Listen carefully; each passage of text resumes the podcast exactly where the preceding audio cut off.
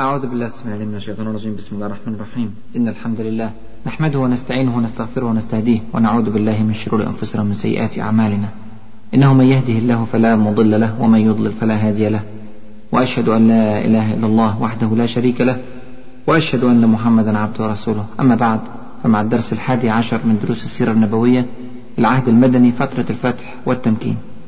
في الدرس السابق تحدثنا عن لحظة من أهم اللحظات في تاريخ الدعوة الإسلامية بل وفي تاريخ الأرض عندما دخل رسول الله صلى الله عليه وسلم مكة فاتحا عزيزا منتصرا صلى الله عليه وسلم ودخل كما تعلمون في عشرة آلاف من أصحابه رضي الله عنهم وأرضاهم أجمعين.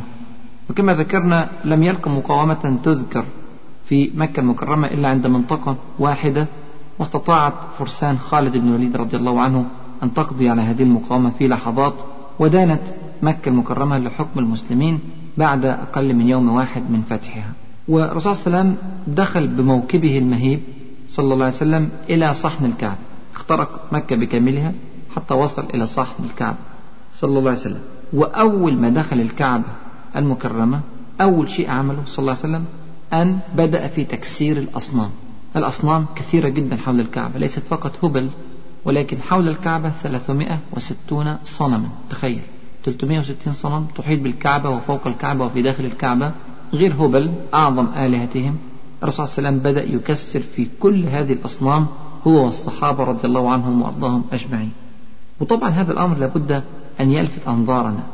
بعد صبر 21 سنة كاملة الرسول صلى الله عليه وسلم الآن يكسر الأصنام. كان صلى الله عليه وسلم يطوف بالكعبة 13 سنة متتالية في فترة مكة المكرمة. ولم يفكر مرة واحدة في كسر صنم واحد. وكان يطوف منذ عام واحد فقط في عمرة القضاء وكذلك لم يفكر لحظة واحدة في كسر صنم واحد من هذه الأصنام. وهذه المفارقة وهذه المقارنة بين الموقفين تحتاج منا إلى وقفة. الأول كان في صبر 21 سنة. دلوقتي لا يصبر لحظة واحدة. يعني ما أقامش الصلاة ما كلمش الناس ما عملش أي شيء قبل أن يكسر الأصنام. ولما نيجي ندرس سيرة الرسول صلى الله عليه وسلم يا إخواني وأخواتي لابد أن نأخذ اهتماما خاصا بالأعمال التي يقوم بها صلى الله عليه وسلم. بمعنى أنه إذا بدأ بشيء ما فهذا الأمر مقصود كل خطوة من خطواته صلى الله عليه وسلم متابعة بالوحي وفيها رعاية كاملة من رب العالمين سبحانه وتعالى وهي تشريع للمسلمين. الآن الرسول صلى الله عليه وسلم لا يصبر دقائق على وجود صنم يعبد من دون الله عز وجل. هذا ما أسميه بفقه الموازنات وفقه الواقع وفقه دفع أكبر الضررين وجلب أكبر المنفعتين.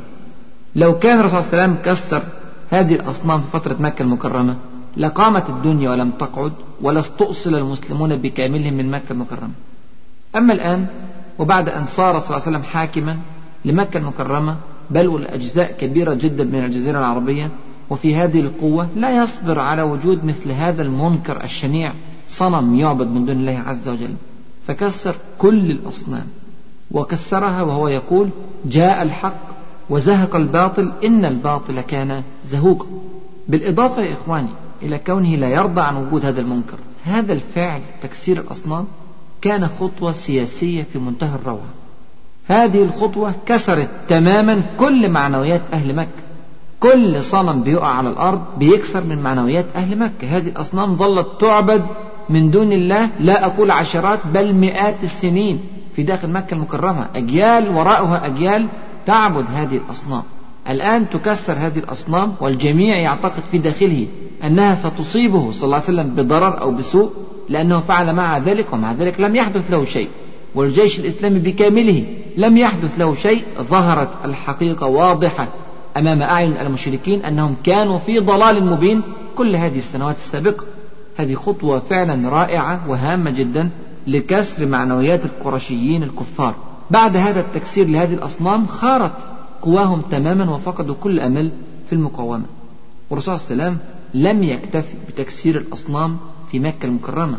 بل حرص صلى الله عليه وسلم على تكسير الأصنام في كل المناطق المحيطة بمكة المكرمة. وأنتم عارفين أهل مكة كانوا بيعبدوا أصنام كثيرة جدا منها ما هو في داخل مكة ومنها ما هو في خارج مكة.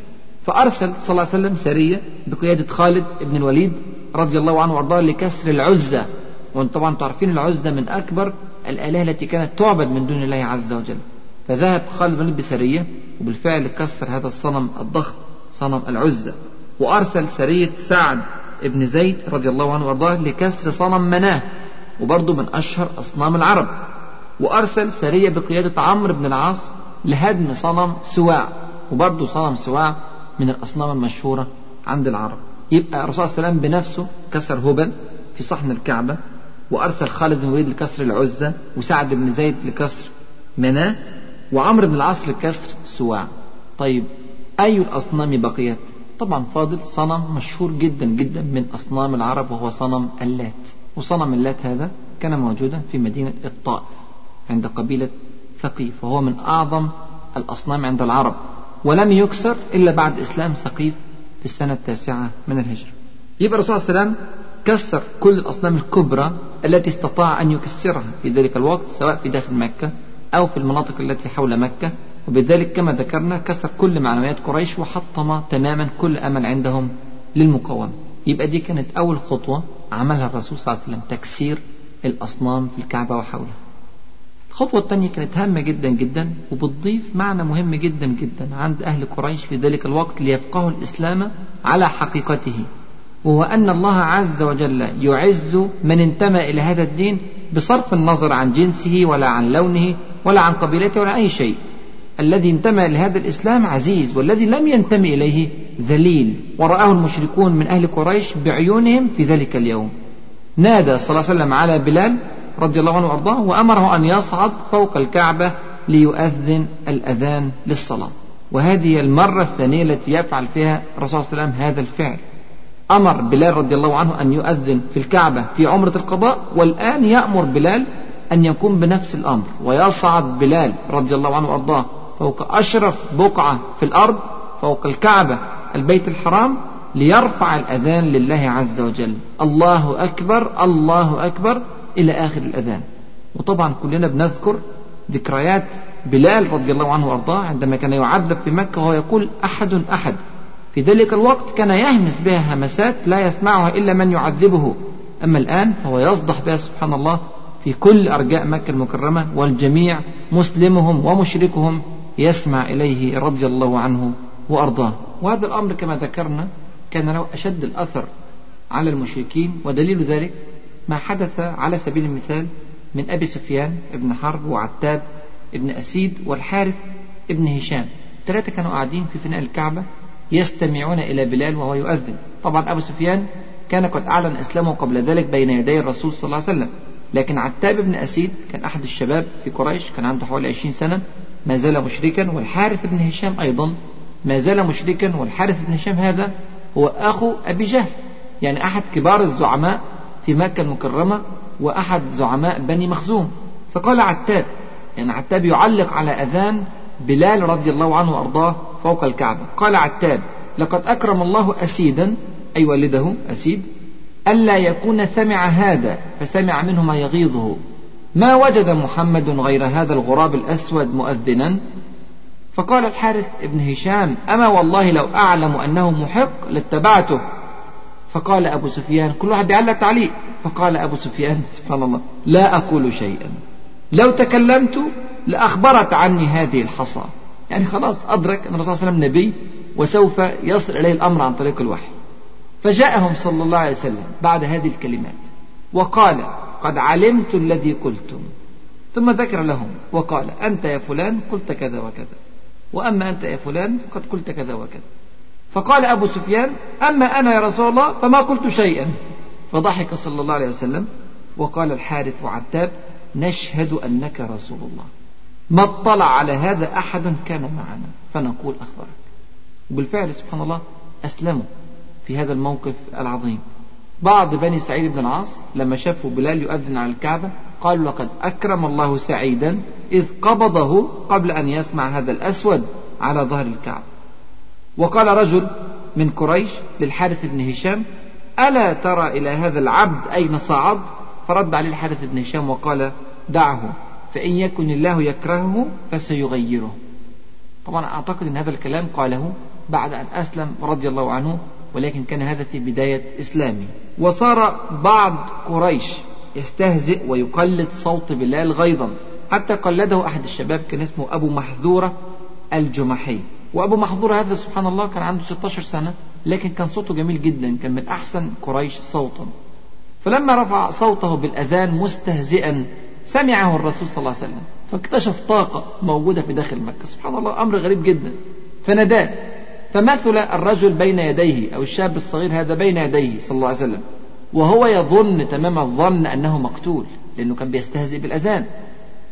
فمسح صلى الله عليه وسلم صدر وناصية هذا الشاب بيديه الشريفة صلى الله عليه وسلم. فقال أبو محذورة فامتلأ قلبي إيمانا ويقينا فعلمت أنه رسول الله. سبحان الله. الرسول صلى الله عليه وسلم بعدما آمن هذا الشاب علمه الأذان وأصبح هو الذي يؤذن لأهل مكة بعد رحيل الرسول صلى الله عليه وسلم وبلال إلى المدينة المنورة. وعلى فكرة الأذان فضل في أبي محظورة وعقب أبي محظورة بعد موته إلى فترة طويلة من الزمان. يبقى الرسول صلى الله عليه وسلم بهذا الأذان وضح فعلا لقريش أن الله عز وجل يعز من يشاء ويذل من يشاء وأن العزة الحقيقية لا تكون إلا بالإسلام. هكذا فهم القرشيون في هذا الموقف العظيم. إذا الفتح تم كما رأينا بحرب عسكرية وحرب سياسية وحرب معنوية والرسول صلى الله عليه وسلم أتقن كل هذه الحروب بمنتهى الدقة حرب عسكرية أعد إعداد قوي جدا جدا للجيش حط خطة محكمة تخفى قدر المستطاع حتى وصل إلى قريش دون أن تعلم قريش بوصوله إلا على بعد 22 كيلومتر فقط من مكة المكرمة. وعمل حرب سياسية بارعة عندما حيد أبا سفيان زعيم مكة بل واستخدمه لصالح المسلمين في منع القرشيين من المقاومة عند دخول الجيش الإسلامي إلى مكة المكرمة.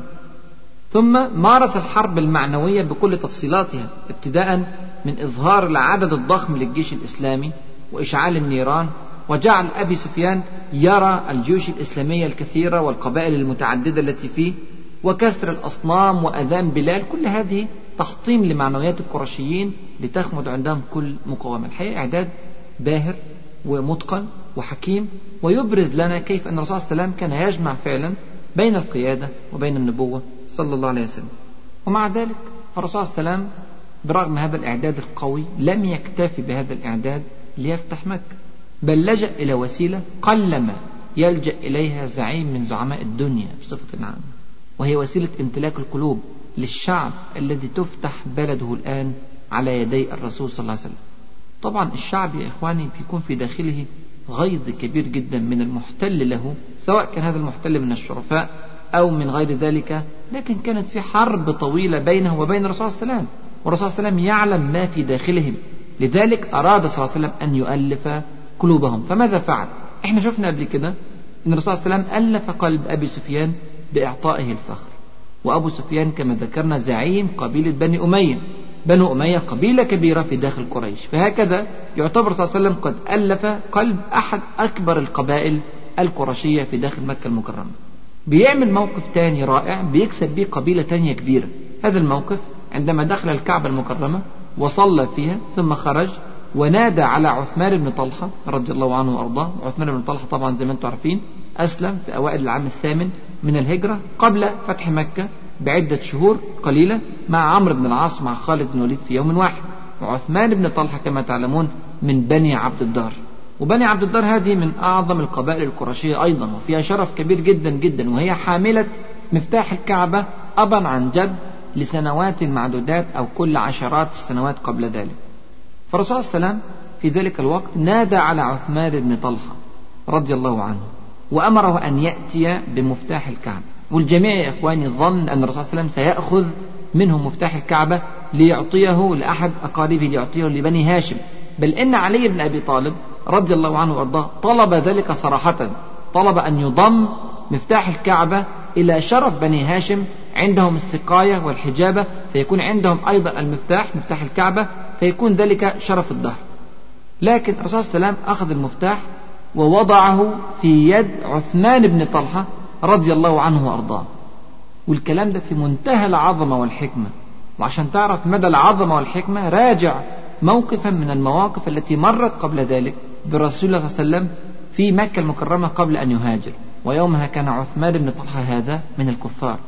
دار بينه وبين عثمان بن طلحة حوار وطلب منه الرسول صلى الله عليه وسلم أن يعطيه مفتاح الكعبة ليدخل الكعبة. لكن عثمان بن طلحة في ذلك الوقت رفض.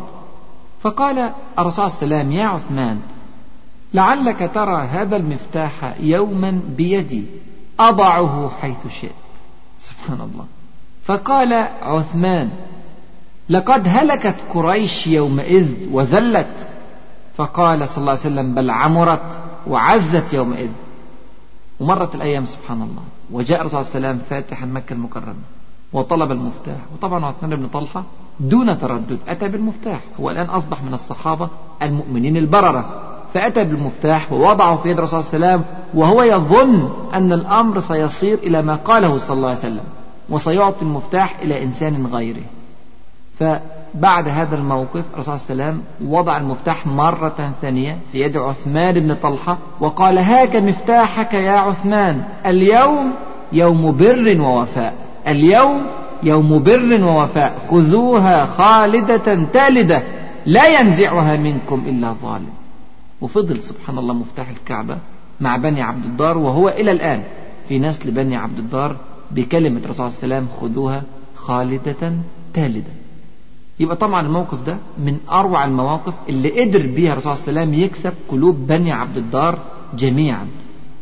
بنو عبد الدار شعرت أن الرسول صلى الله عليه وسلم سينزل الناس منازلهم وسيبقي لهم على الفخر الذي كان لهم وبذلك استطاع صلى الله عليه وسلم أن يسيطر على الموقف إلى درجة كبيرة في داخل مكة المكرمة.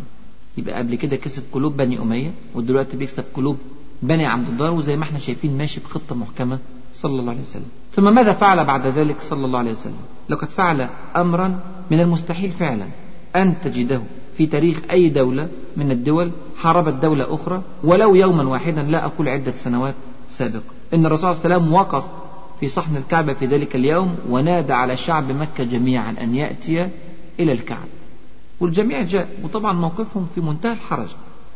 بعد صراع طويل جدا جدا وإيذاء للرسول صلى الله عليه وسلم ومصادرة للأموال وللديار وقتل لبعض الأصحاب وجلد وتعذيب وإغراق وكذا وكذا من الأمور التي جميعا نعلمها. وفصلنا فيها كثيرا في فترة مكة وفصلنا فيها كثيرا في الحروب المتتالية بين المسلمين وبين المشركين.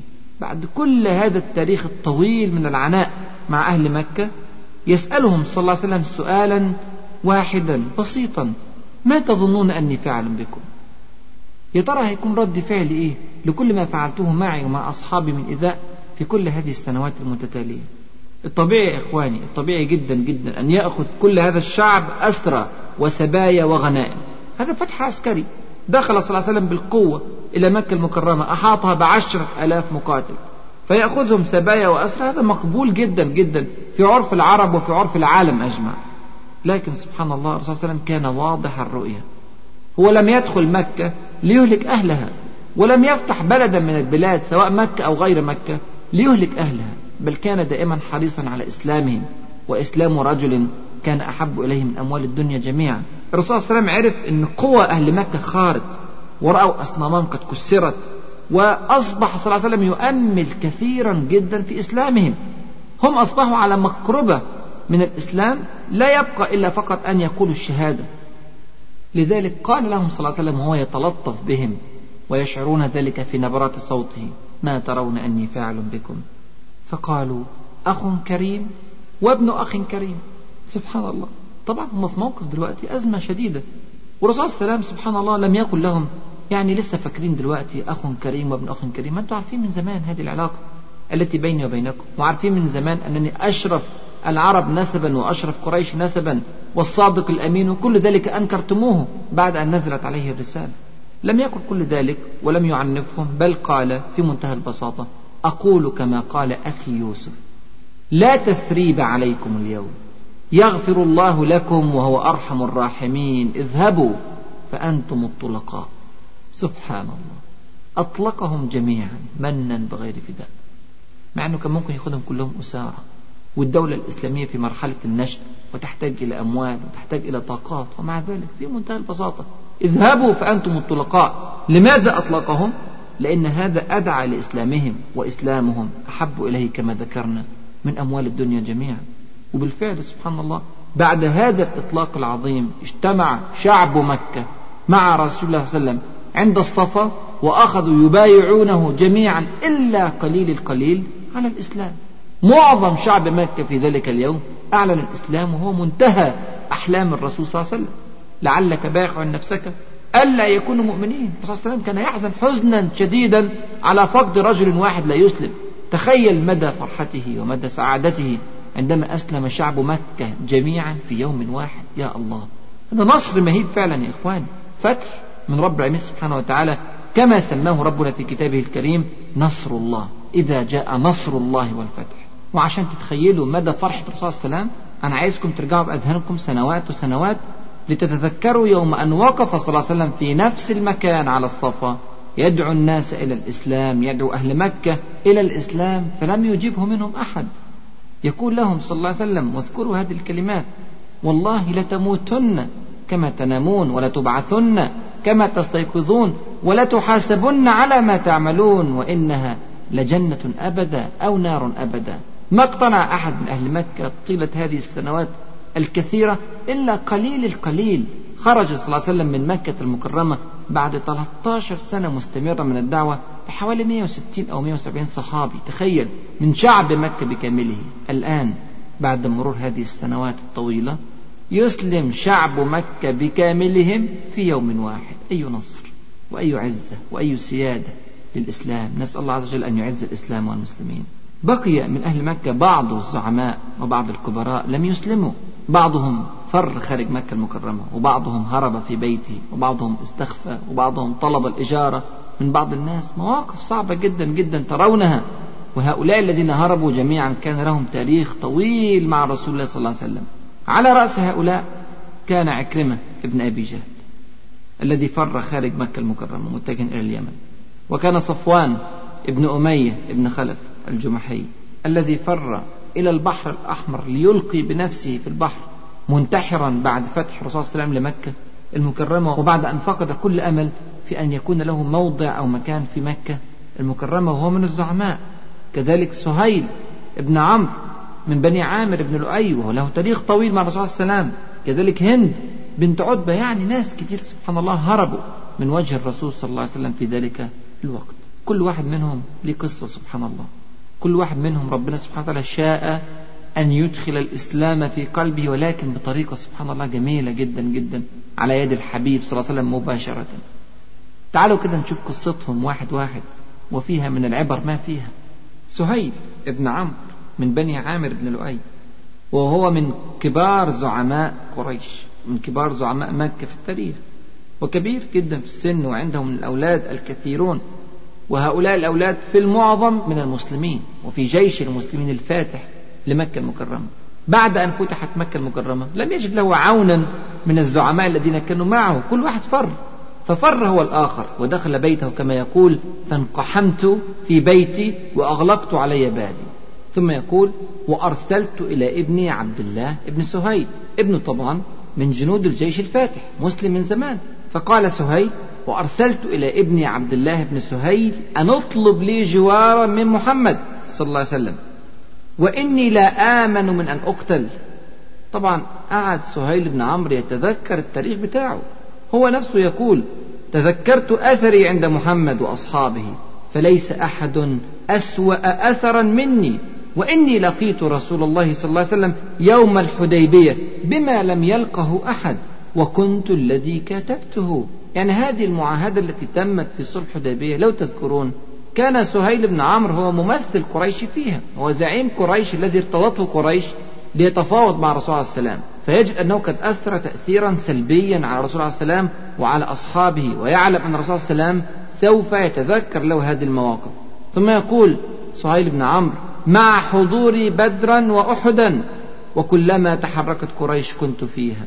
عنده مشكلة خطيرة خايف أن يقتل. فذهب عبد الله بن سهيل إلى الرسول عليه السلام فقال يا رسول الله تؤمنه؟ فقال صلى الله عليه وسلم بمنتهى البساطة نسي كل التاريخ ده سبحان الله. قال نعم هو آمن بأمان الله فليظهر. مستخبي ليه؟ فليظهر. شوف قد سبحان الله مدى الخزي والذل والعار الذي أصاب أولئك الذين عادوا الله عز وجل ورسوله الكريم صلى الله عليه وسلم.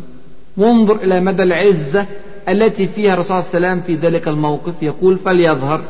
خلي بالك هذا التعامل مع أحد كبار زعماء مكة المكرمة. يعني عايز تتخيل قد إيه مدى العظمة في هذا التعامل؟ راجع كده احتلال أي دولة لدولة تانية وشوف التعامل مع الأمراء والوزراء والكبراء في البلد.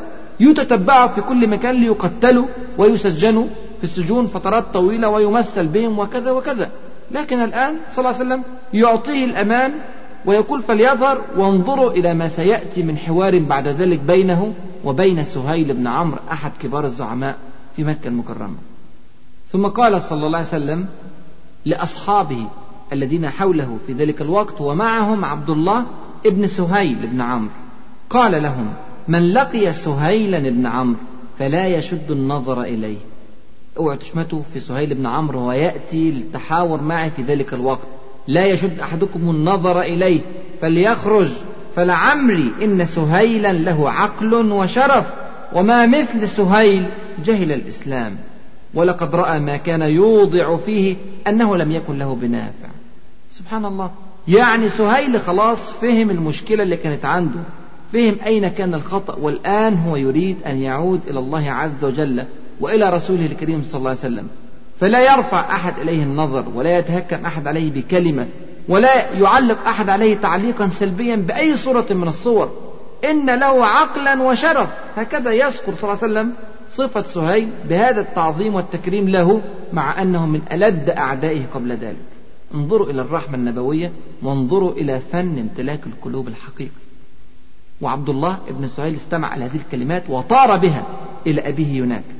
فلما ذكر له هذه الكلمات قال سهيل وانظروا فعلا إلى فن امتلاك القلوب. سهيل أول ما سمع هذه الكلمات قال كان والله برا صلى الله عليه وسلم.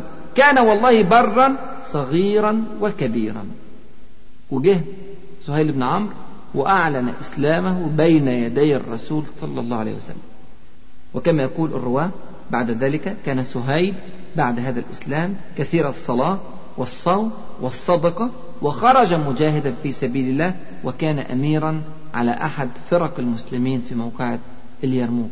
هذا يا إخواني امتلاك حقيقي لقلب سهيل بن عمرو بهذه المعاملة الحسنة من رسول الله صلى الله عليه وسلم وهذا فعلا هو فن الدعوة إلى الله عز وجل. ليس أبدا تصرف قائد متغطرس احتل دولة من الدول يسوم أهلها العذاب ولكن هو التصرف الرحيم من النبي الكريم صلى الله عليه وسلم. قدوة لنا أجمعين.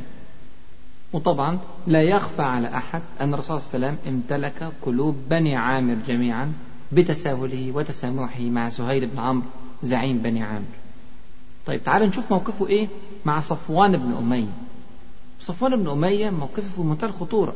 صفوان بن أمية بن خلف أبوه كان من أشد المعاندين للرسول صلى الله عليه وسلم ومن الذين قتلوا في بدر. وورث صفوان بن أمية هذه الكراهية من أبيه للإسلام والمسلمين. وحارب الرسول صلى الله عليه وسلم بكل طاقته. وكان ممن التف حول ظهر المسلمين في أحد هو وخالد بن الوليد رضي الله عنه واشترك اشتراكا كبيرا في قتل سبعين من شهداء الصحابة رضي الله عنهم وأرضاهم. واشترك أيضا في الأحزاب بل ومن الذين شاركوا في عملية القتال في داخل مكة المكرمة. قلنا قليل جدا جدا من أهل مكة الذين قاتلوا كان منهم صفوان بن أمية. بل أن صفوان بن أمية قبل ذلك دبر محاولة لقتل الرسول صلى الله عليه وسلم. يعني في عداء شخصي بينه وبين الرسول صلى الله عليه وسلم. وكما تذكرون هذه المحاولة كانت بينه وبين عمير بن وهب رضي الله عنه وأرضاه وذكرناها بعد درس بدر. وفيها تعهد صفوان بن أمية لعمير بن وهب أن يتحمل عنه عياله وأن يسدد عنه دينه في نظير أن يقتل عمير رسول الله صلى الله عليه وسلم. وإحنا قلنا القصة بتفصيلاتها بعد غزوة بدر ورأينا كيف أسلم عمير بن وهب في المدينة المنورة. مرت الأيام وجاء فتح مكة المكرمة وفر صفوان بن أمية ولم يجد له أي مكان في مكة المكرمة وعلم أنه لن يستقبل في أي مكان في الجزيرة العربية فقرر أن يلقي نفسه في البحر ليموت هكذا. فخرج في اتجاه البحر الأحمر ومعه غلام اسمه يسار وليس معه أحد غيره حتى وصل إلى البحر الأحمر.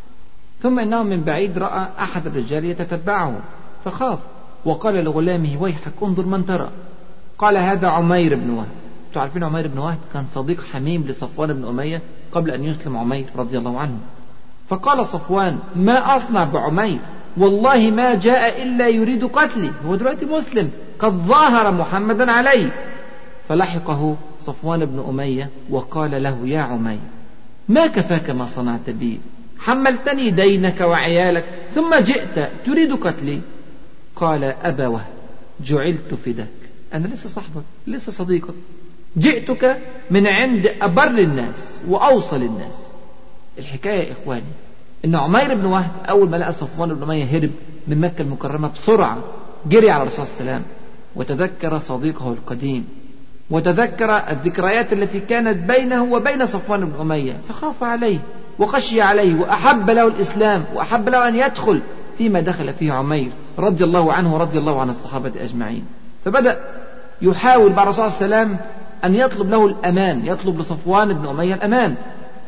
فقال يا رسول الله سيد قومي اللي هو عمير بن وهب سيد قومي خرج هاربا ليقذف نفسه في البحر وخاف ألا تؤمنه فداك أبي وأمي.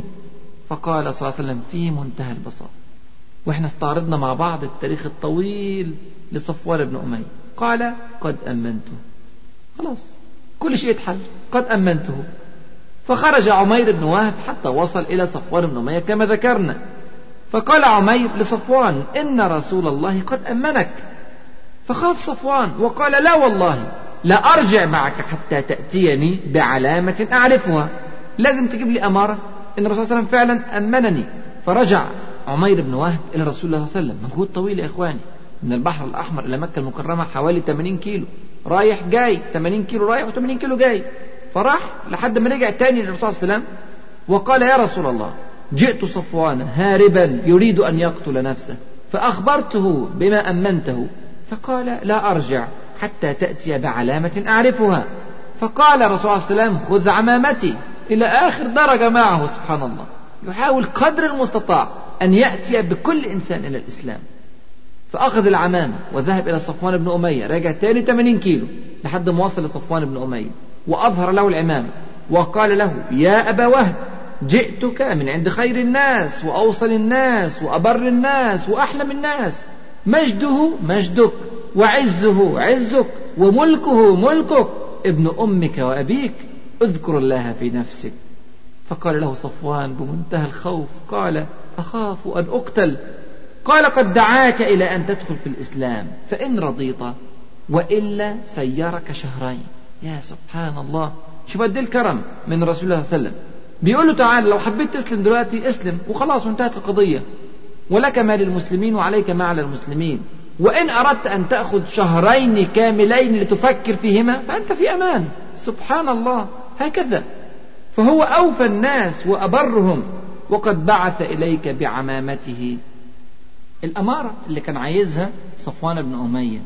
قال تعرفها؟ عمير بن وهب يسأل تعرفها؟ قال نعم. فرجع صفوان بن أمية مع عمير بن وهب إلى رسول الله صلى الله عليه وسلم. طبعا هو مش لاقي قدامه أي طريق تاني وليس أمامه إلا أن يقبل بهذا الأمان وهو يعرف أن الرسول صلى الله عليه وسلم كان دائما الحفظ لوعده وعهده صلى الله عليه وسلم الصادق الأمين.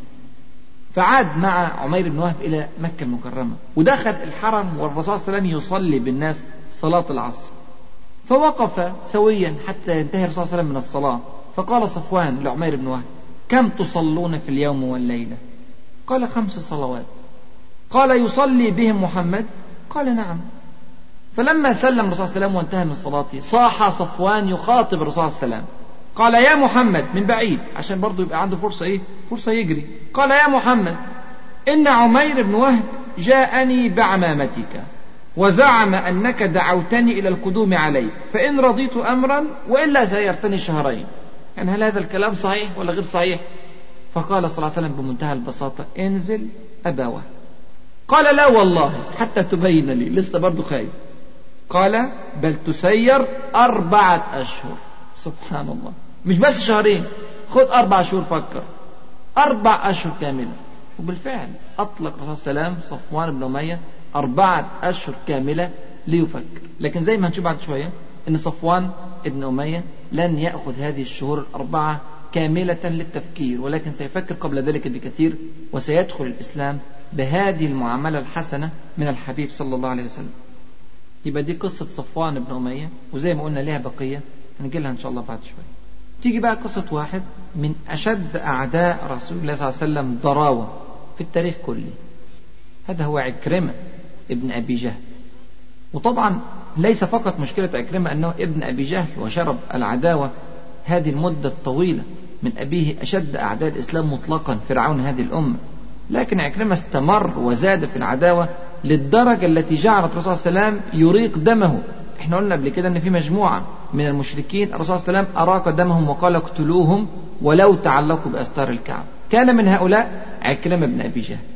ولعله علم ذلك وقاتل حتى النهاية. كان ممن قاتل في الخندمة ضد خالد بن الوليد رضي الله عنه.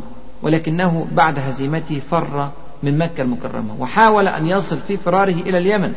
وذهب بالفعل إلى البحر ليأخذ سفينة وينطلق بها إلى اليمن. يعني مشوار طويل جدا جدا في الكفر ووصل إلى نهاية هذا المشوار في هذا الفتح المبين للمسلمين لمكة المكرمة. طيب هذا رجل مطلوب الدم وإذا وجده صلى الله عليه وسلم سيقتله. هكذا. هذا الرجل سبحان الله كانت له زوجة هي أم حكيم بنت الحارث ابن هشام يعني ابنة عمه ابنة أخو أبو جهل شخصيا. فقالت هذه المرأة بعد أن أسلمت وخلي بالك أم حكيم أسلمت في يوم الفتح. على جبل الصفا مع من أسلم من أهل مكة. فذهبت الرسول صلى الله عليه وسلم لتستشفع عنده لعكرمة بن أبي جهل أن يعود إلى مكة المكرمة مؤمنا كما أمن صفوان بن أمية صلى الله عليه وسلم.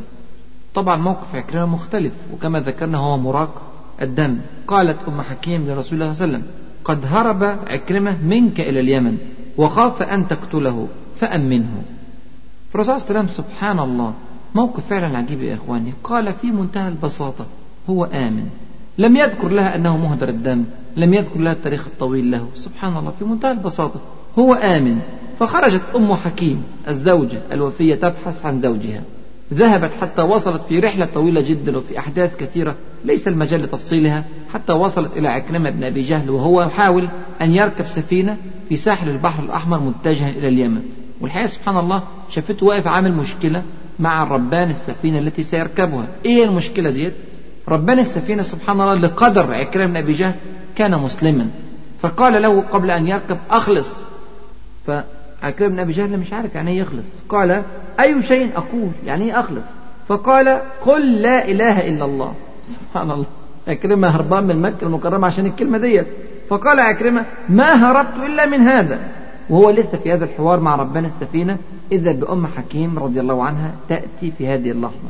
فقالت له يا ابن عم جئتك من عند أوصل الناس وأبر الناس وخير الناس لا تهلك نفسك. وتدعوه للعودة معها إلى مكة المكرمة. فوقف لها عكرمة ابن أبي جهل. فقالت له أم حكيم إني استأمنت لك محمدا صلى الله عليه وسلم. قال أنت فعلت؟ قالت نعم أنا كلمته فأمنك. طبعا عكرمة بن أبي جهل في ذلك الوقت شايف الدنيا كلها ضيقة عليه. أين يذهب؟ هو يريد أن يذهب الآن إلى اليمن. واليمن بكاملها مسلمة كما ذكرنا قبل ذلك في الدروس السابقة. وغير ذلك من بقاع الأرض تتناقص حوله الآن. والجميع الآن يدخلون في حلف وفي دين محمد صلى الله عليه وسلم. فماذا يفعل؟ فبمجرد أن قالت له هذه الكلمات أخذ قرارا سريعا بالعودة معها دون تفكير طويل. وبالفعل عاد إلى مكة المكرمة. وقبل أن يدخل مكة المكرمة إذا برسول الله صلى الله عليه وسلم يقول لأصحابه كلمات جميلة جدا يا إخواني كما ذكرها قبل ذلك في حق سهيل ابن عمرو قال في حق عكرمة بن أبي جهل قال يأتيكم عكرمة ابن أبي جهل مؤمنا مهاجرا فلا تسبوا أباه فإن سب الميت يؤذي الحي ولا يبلغ الميت. سبحان الله.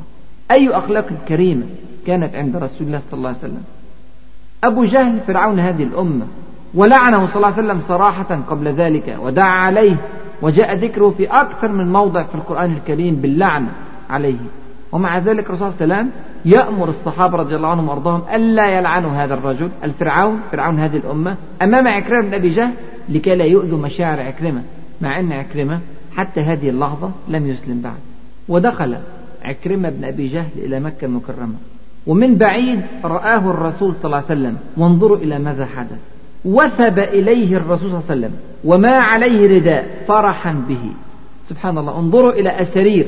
الرسول صلى الله عليه وسلم كيف انبسطت عندما رأى عكرمة ابن أبي جهل يعود إليه ويأتي إليه وهو على أبواب الإسلام. هو لم يسلم بعد.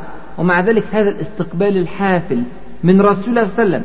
لواحد من أكبر الذين عادوه قبل ذلك ومن أكبر الذين قاوموه ومنعوه من دخول مكة المكرمة قدر ما يستطيع يستقبلوا هذا الاستقبال الحافل سبحان الله. فجلس عكرمة بين يدي رسول الله وسلم وقال يا محمد صلى الله عليه وسلم إن هذه أخبرتني أنك أمنتني. زوجته إن هذه أخبرتني أنك أمنتني. فقال صلى الله عليه وسلم صدقت فأنت آمن. فقال عكرمة فإلى ما تدعو يا محمد. تدي تسأل عن الإسلام دلوقتي.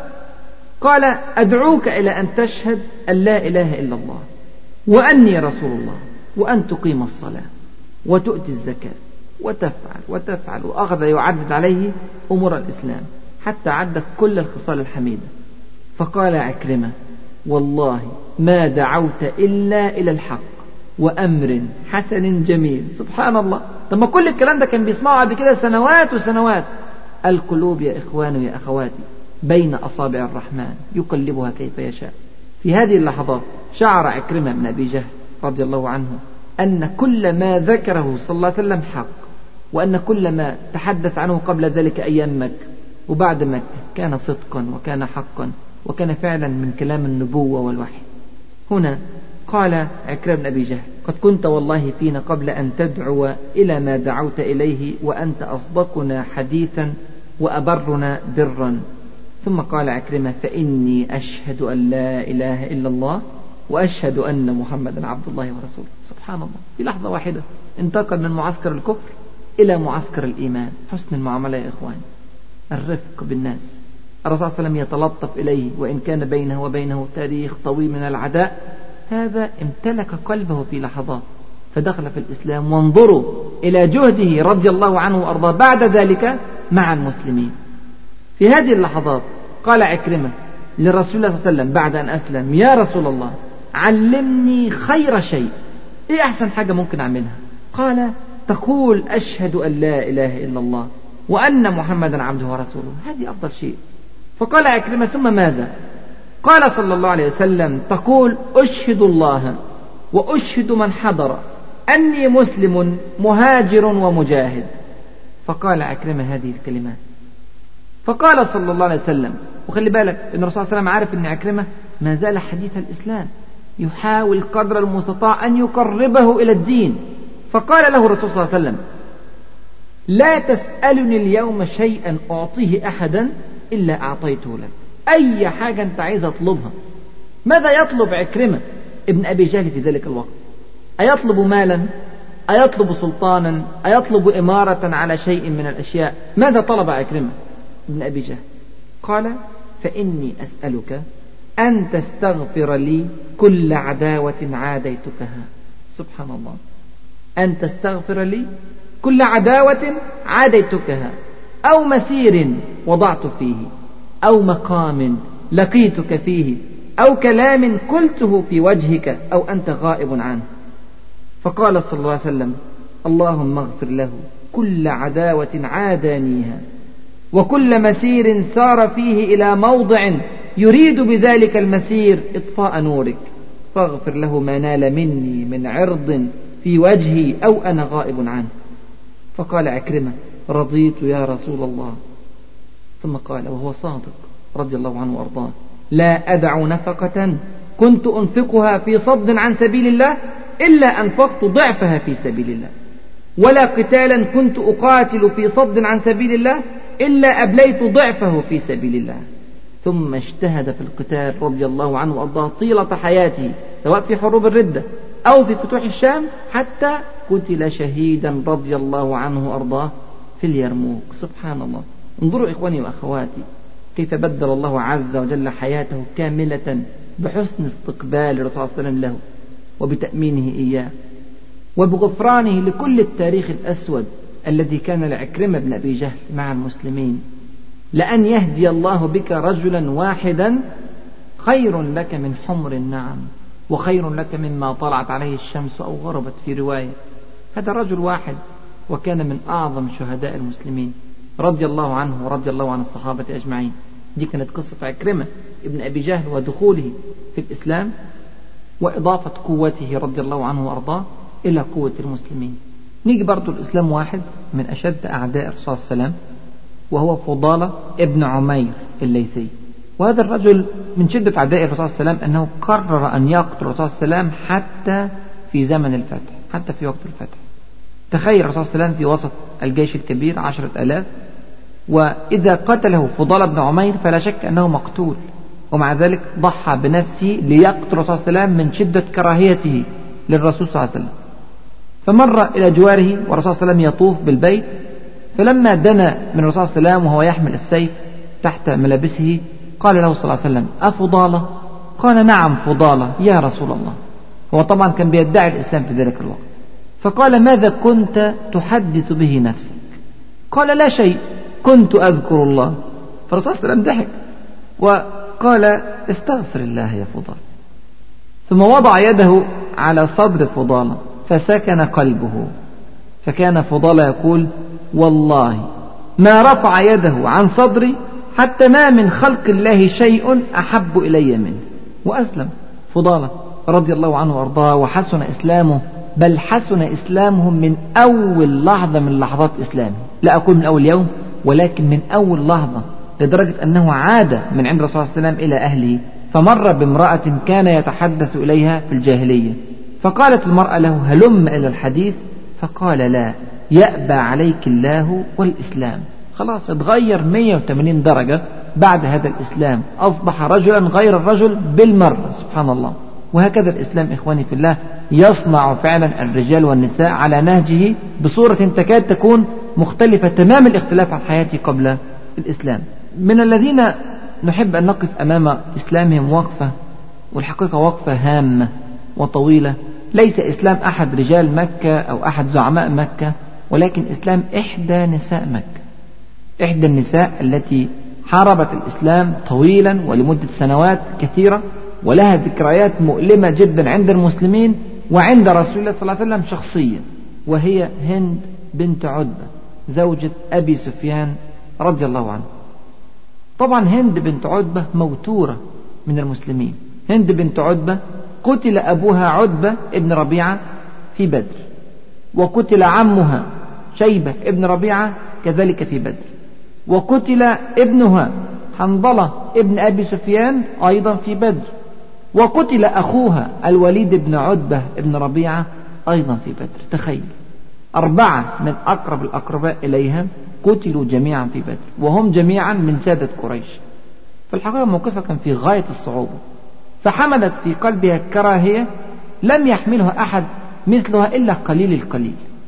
وظلت على هذا الأمر سنوات طويلة منذ بدر وإلى فتح مكة. ست سنوات متصلة.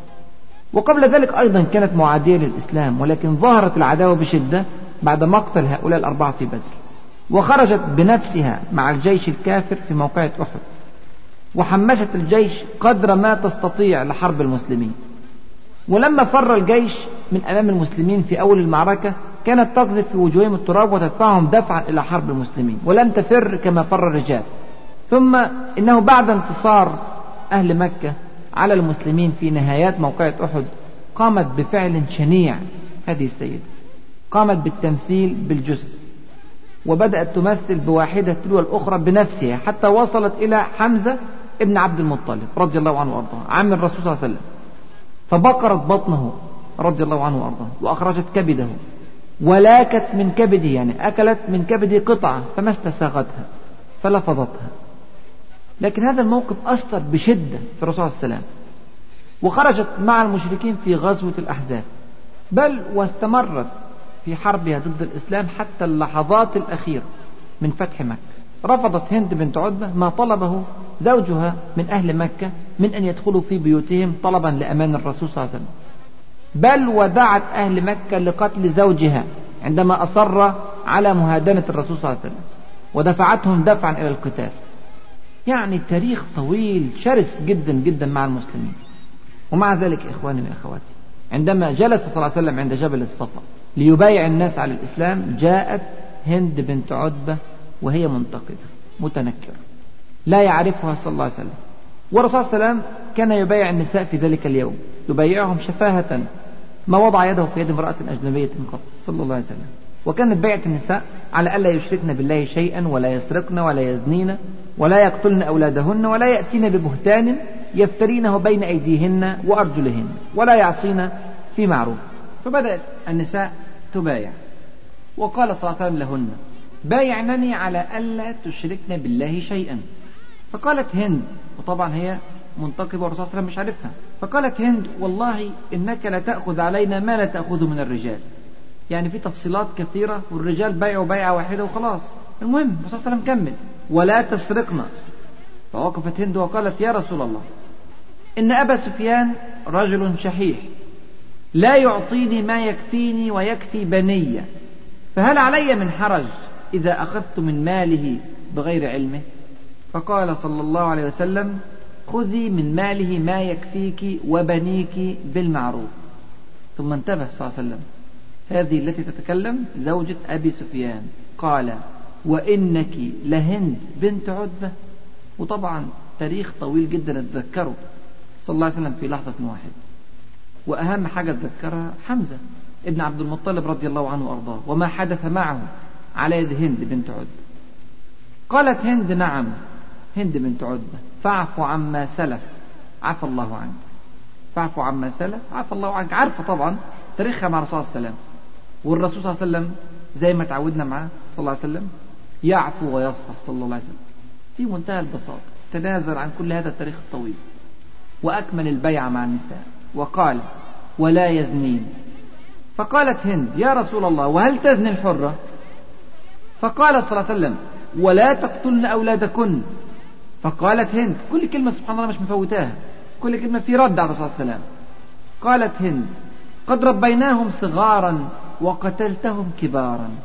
فأنت وهم أعلم. هل تركت لنا ولدا إلا قتلته يوم بدر؟ أنت قتلت آباءهم يوم بدر وتوصينا بأولادهم. سبحان الله. فتبسم. الرسول صلى الله عليه وسلم وضحك عمر رضي الله عنه وارضاه حتى استلقى على قفاه. رضي الله عنه وأرضاه. يعني سبحان الله موقف صعب. المهم الرسول صلى الله عليه وسلم خد الموضوع ببساطة وقدر موقف هند بنت عتبه ومدى يعني صعوبة الإسلام عليها. ومع ذلك هي سبحان الله تسلم الآن عن قناعة. ثم قال صلى الله عليه وسلم ولا يأتين ببهتان يفترينه بين أيديهن وأرجلهن. فقالت هند والله إن إتيان البهتان لقبيح. فقال صلى الله عليه وسلم ولا يعصينني في معروف. فقالت هند والله ما جلسنا هذا وفي أنفسنا أن نعصيك في معروف. وتمت البيعة المباركة وبايعت نساء مكة جميعا بما فيهم هند بنت عتبة رضي الله عنها وأرضاها. هذه المبايعة المباركة سبحان الله حسن إسلام هند بنت عتبة وكما كانت تخرج مع جيوش الكفار لتحمسها لحرب المسلمين بدأت تخرج مع جيوش المسلمين لتحمسهم لحرب الكفار. سبحان الله. ومن أشهر مواقفها هذا الموقف الذي وقفته في يوم اليرموك عندما بدأت تشجع المسلمين على القتال في سبيل الله وعلى خوض غمار المعركة الهائلة ضد 200 ألف رومي فكانت فعلا من أدوات النصر العظيمة في ذلك اليوم المجيد. سبحان الله. الله عز وجل فتح قلوبا غلفا في ذلك اليوم يوم الفتح بما لا يمكن أبدا أن يتخيل. تخيل شعب كامل مدينة كاملة من أعظم مدن الجزيرة العربية أسلمت بكاملها في ذلك اليوم ولم يتخلف أحد منهم عن الإسلام. وبمناسبة أننا نتحدث عن النساء نريد أن نذكر بموقف من المواقف الرائعة في فتح مكة لإحدى نساء المسلمين وهي السيدة أم هانئ بنت أبي طالب رضي الله عنه وأرضاه. أخت سيدنا علي بن أبي طالب. لما نزل الرسول صلى الله عليه وسلم بأعلى مكة ودارت الحرب في أسفل مكة بين مجموعة من المشركين وبين سرية خالد بن الوليد رضي الله عنه وأرضاه هرب رجلان من بني مخزوم ولم يجد أي ملجأ في ذلك الوقت إلا أن يدخل عند السيدة أم هانئ بنت أبي طالب رضي الله عنها. ولماذا السيدة أم هانئ بالذات؟ لأن زوجها هو هبيرة ابن أبي وهب المخزومي. يعني هما من أقارب زوج السيدة أم هانئ. وطلب منها أن تجيرهما. وطبعا ده شيء فيه إهانة كبيرة جدا للعرب لكن في ذلك الوقت الاثنين دولت ملوش قدامهم أي سبيل غير أن يطلبوا الإجارة من امرأة. فأجارتهم المرأة اللي هي أم هانئ رضي الله عنها. شوية وداخل مين؟ علي بن أبي طالب رضي الله عنه. يقول والله لأقتلنهما فأغلقت عليهما الباب رضي الله عنها. وقالت قد أجرتهما. سيدنا علي مصمم أن يقتلهما. فقالت نذهب إلى الرسول صلى الله عليه وسلم. سيدنا علي طبعا لما سمع الرسول صلى الله عليه وسلم سكت وذهب إلى الرسول صلى الله عليه وسلم. وعرضت السيدة أم هانئ أمرها وقالت يا رسول الله زعم ابن أمي هو علي بن أبي طالب أنه قاتل رجلا أجرته. فقال صلى الله عليه وسلم قد أجرنا من أجرت وأمنا من أمنت فلا يقتلهما. سبحان الله. يعني الرسول صلى الله عليه وسلم قبل بإجارة المرأة أم هانئ في اثنين كان يقاتلان المسلمين. يعني فعلا جريمة ضخمة يا إخواني وهذا فتح عسكري حرب عسكرية كبيرة.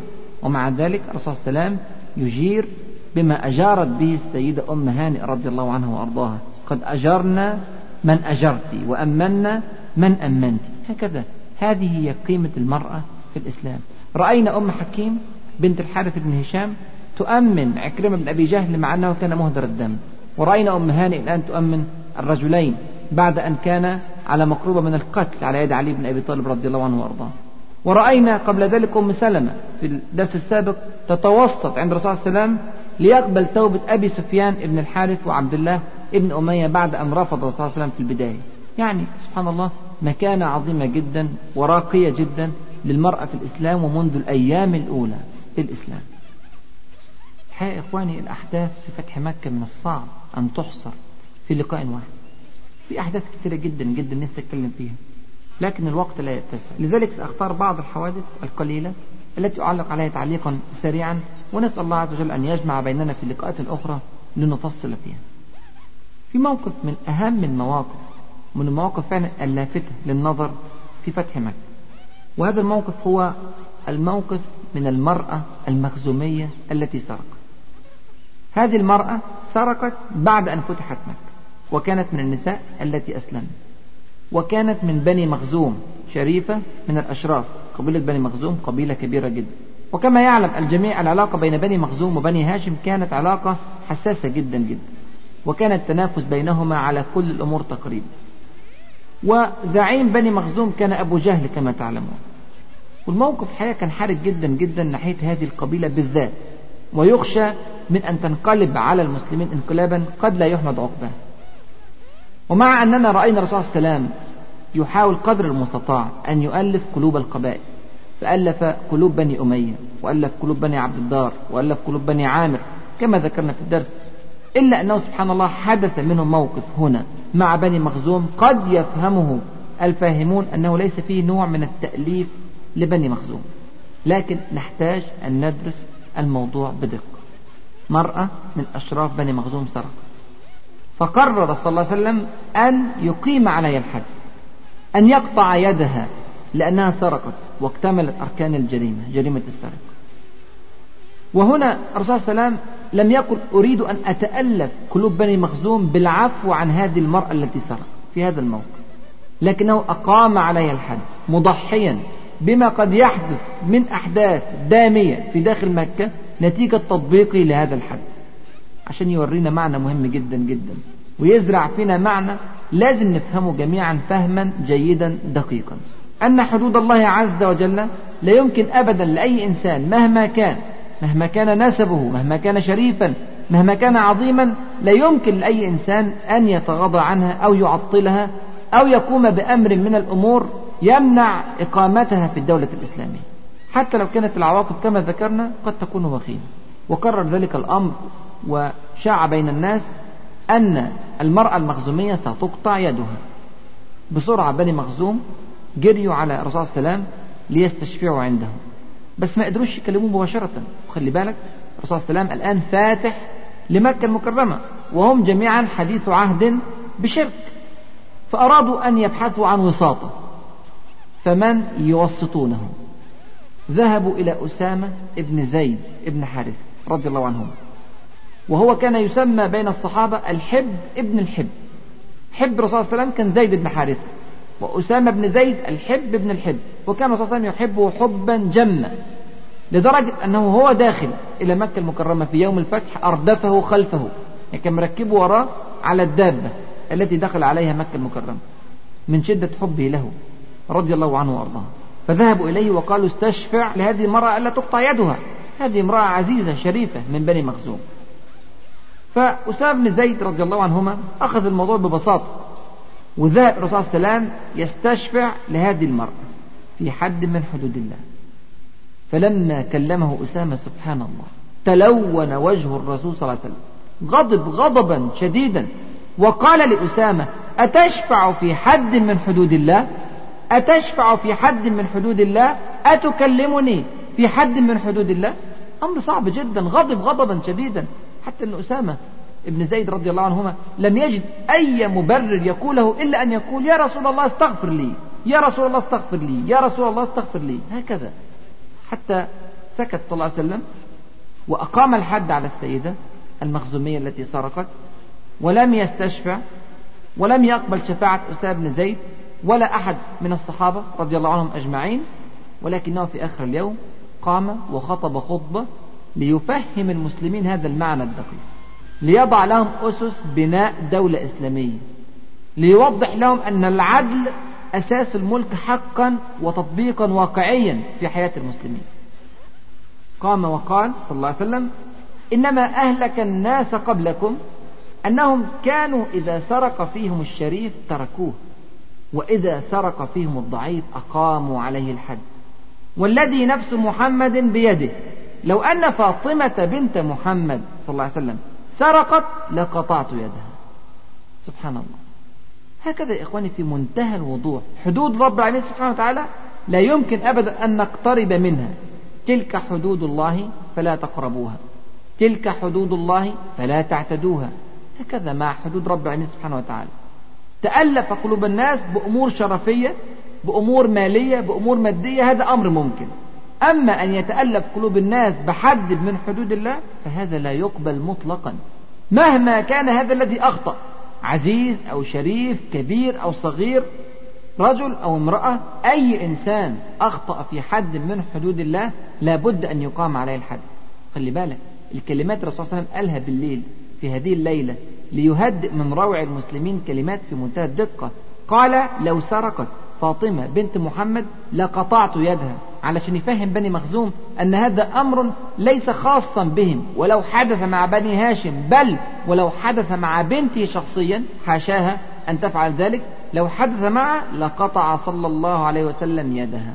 هكذا.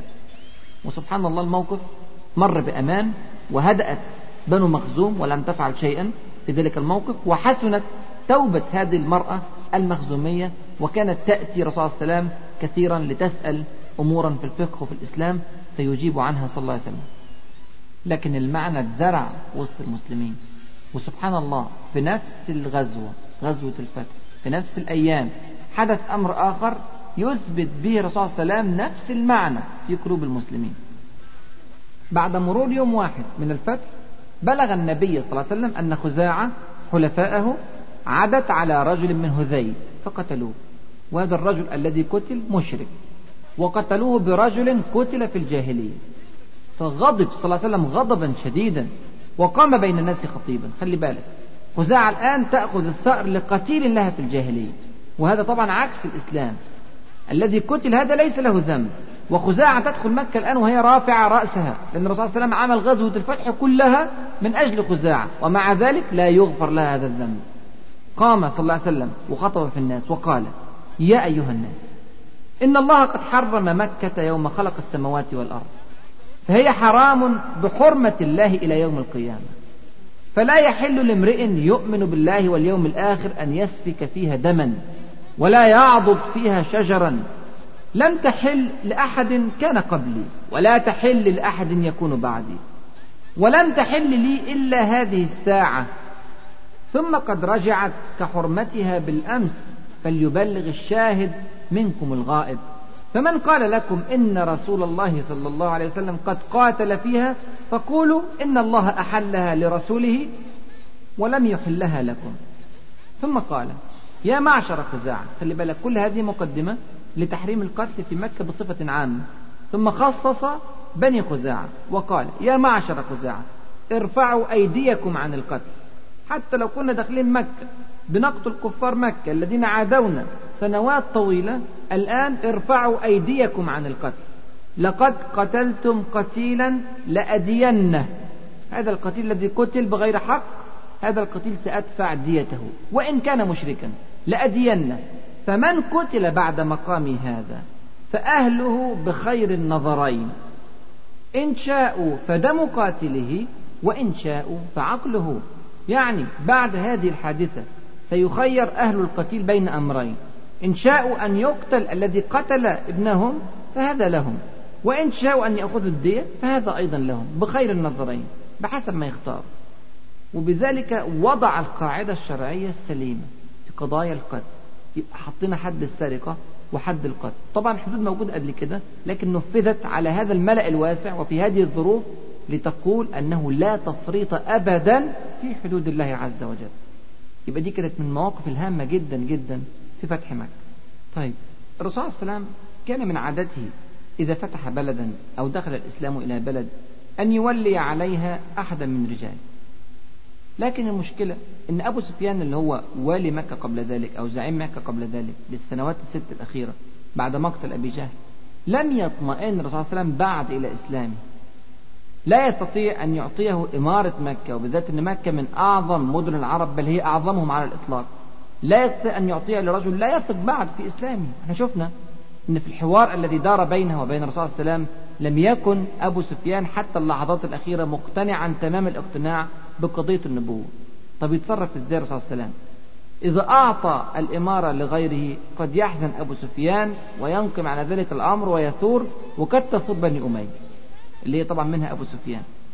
والرسول صلى الله عليه وسلم لا يريد أن تحدث قلاقل أو اضطرابات في هذه المدينة وقد أسلمت بكاملها منذ لحظات قليلة أو أيام قليلة. فالرسول صلى الله عليه وسلم سبحان الله في لفتة بارعة أعطى إمارة مكة لعتاب ابن أسيد رضي الله عنه. وزي ما قلنا من شوية عتاب ابن أسيد كان من شباب مكة. عنده حوالي عشرين سنة تقريبا. وكان من وخلي بالك بقى بني أمية. يعني عتاب بن أسيد من نفس قبيلة أبي سفيان. فإذا أعطاه الرسول صلى الله عليه وسلم إمارة مكة فهذا سيستمر في تأليف قلوب بني أمية. لن تقف بنو أمية طويلا عند تنحية أبي سفيان عن إمارة مكة. لأن الأمير الجديد منها أيضا. وعتاب بن أسيد هذا الشاب. لم يتلوث كثيرا بعقائد المشركين.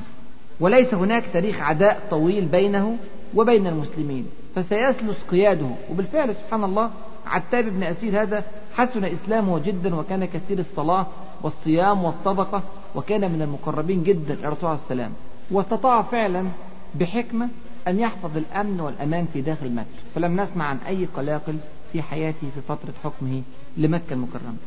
لكن في نفس الوقت الرسول صلى الله عليه وسلم يعلم أن عتاب بن أسيد معلوماته عن الإسلام قليلة جدا لم يسلم إلا منذ أيام قليلة. لذلك ترك معه معاذ بن جبل الأنصاري رضي الله عنه وأرضاه ليعلم الناس دينهم. والرسول صلى الله عليه وسلم ترك معهم بحرا من بحور العلم معاذ بن جبل إمام العلماء يوم القيامة وأعلم أمتي بالحلال والحرام معاذ بن جبل كما يقول الرسول صلى الله عليه وسلم. وأهل مكة فيهم الكثير من العقليات والمفكرين والمبدعين لذلك يحتاجون إلى رجل من علماء الأمة فعلا ليجادلهم فيما هم يختلفون فيه. وما ننساش طبعا أن اليوم تاريخ طويل جدا جدا مع الرسول صلى الله عليه وسلم وشبهات كثيرة قالوها قبل ذلك. وأعلم الناس في الرد عليهم في ذلك الوقت هو معاذ ابن جابر رضي الله عنه وأرضاه. بذلك استقر الوضع تقريبا في داخل مكة المكرمة ودخل الناس جميعا في الإسلام بفضل الله عز وجل. يفضل لنا موقف نحب نعلق عليه في ختام هذا الدرس. مهم جدا هو موقف الأنصار رضي الله عنهم وأرضاهم. طبعا الأنصار شايفين الأحداث التي تجري في داخل مكة المكرمة وإسلام الجميع وهؤلاء جميعا هم أهل وعشيرة ورحم الرسول صلى الله عليه وسلم. ولا شك أنهم يشاهدون فرحة وسعادة الرسول صلى الله عليه وسلم بهذا الإسلام. ولا شك أنهم يشاهدون أيضا استقرار الأوضاع في داخل مكة المكرمة. إسلام عكرمة بن أبي جهل وإسلام سهيل بن عمرو وإسلام فضالة بن عمير وإسلام قادة مكة بصفة عامة. فالوضع بدأ يستقر جدا في داخل مكة المكرمة. الرسول صلى الله عليه وسلم يقف على الصفا يدعو الله عز وجل والأنصار يقفون تحته يفكرون في وضعهم بعد هذا الفتح قال بعض الأنصار لبعضهم أما الرجل اللي هو صلى الله عليه وسلم يتحدثون عنه صلى الله عليه وسلم والرسول صلى الله عليه وسلم لا يسمع إلى كلامه. يقولون أما الرجل فأدركته رغبة في قريته ورأفة بعشيرته. طبعا شايفين تفاعله صلى الله عليه وسلم مع الأحداث في داخل مكة. قال أبو هريرة راوي الحديث والحديث في صحيح مسلم يا إخوان وجاء الوحي. وكان إذا جاء لم يخفى علينا. فليس أحد من الناس يرفع طرفه إلى رسول الله صلى الله عليه وسلم حتى ينقضي. فلما انقضى الوحي رفع رأسه صلى الله عليه وسلم. ثم قال يا معشر الأنصار قلتم أما الرجل فأدركته رغبة في قريته ورأفة بعشيرته. الوحي أخبره بهذه الأخبار. قالوا قلنا ذلك يا رسول الله. قال فما اسمي إذن؟ كلا إني عبد الله ورسوله. هاجرت إلى الله وإليكم. فالمحيا محياكم والممات مماتكم. يعني أنا قبل كده ذكرت لكم أنني سوف أعيش معكم حياتي كاملة. ليس معنى أنني تعاطفت مع هذه الأحداث التي تجري في مكة المكرمة. وليس معنى أنني فرحت بإسلام هؤلاء العشيرة والأهل والرحم. أنني سأبقى في مكة وأخالف ما تكلمت به معكم قبل ذلك.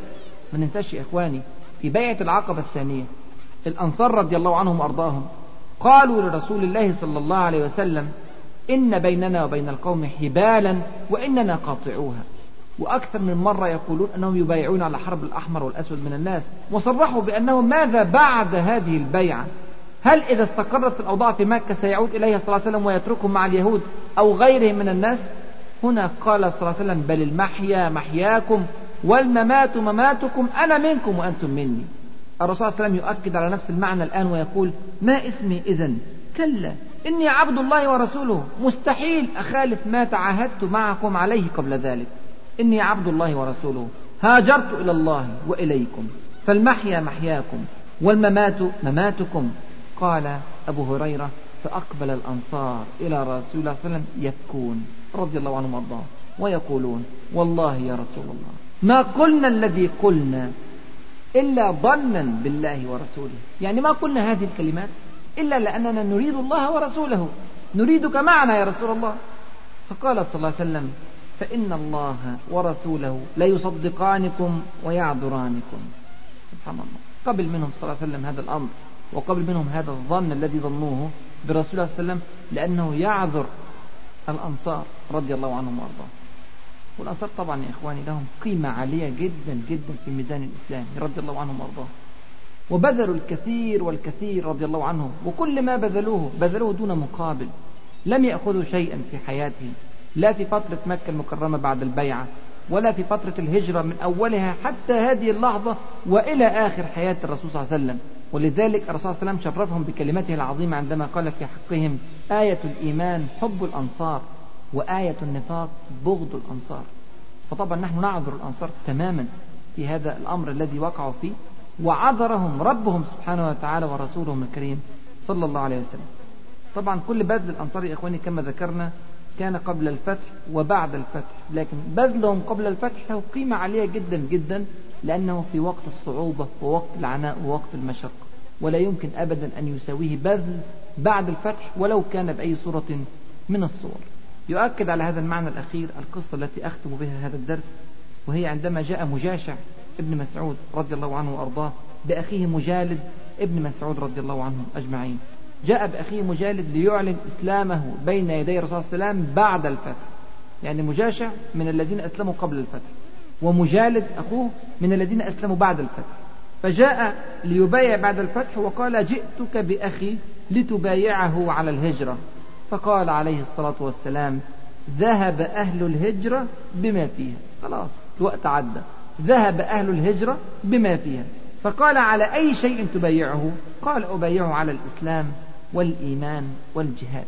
طبعا هؤلاء لهم مكانة عظيمة أيضا لكن كما قال ربنا سبحانه وتعالى لا يستوي منكم من أنفق من قبل الفتح وقاتل. أولئك أعظم درجة من الذين أنفقوا من بعد وقاتلوا وكلا وعد الله الحسنى والله بما تعملون خبير. نسأل الله عز وجل أن يفقهنا في سننه وأن يعلمنا ما ينفعنا وأن ينفعنا بما علمنا إنه ولي ذلك والقادر عليه. فستذكرون ما أقول لكم وأفوض أمري إلى الله. إن الله بصير بالعباد. السلام عليكم ورحمة الله وبركاته. مع تحيات النور للإنتاج الإعلامي والتوزيع.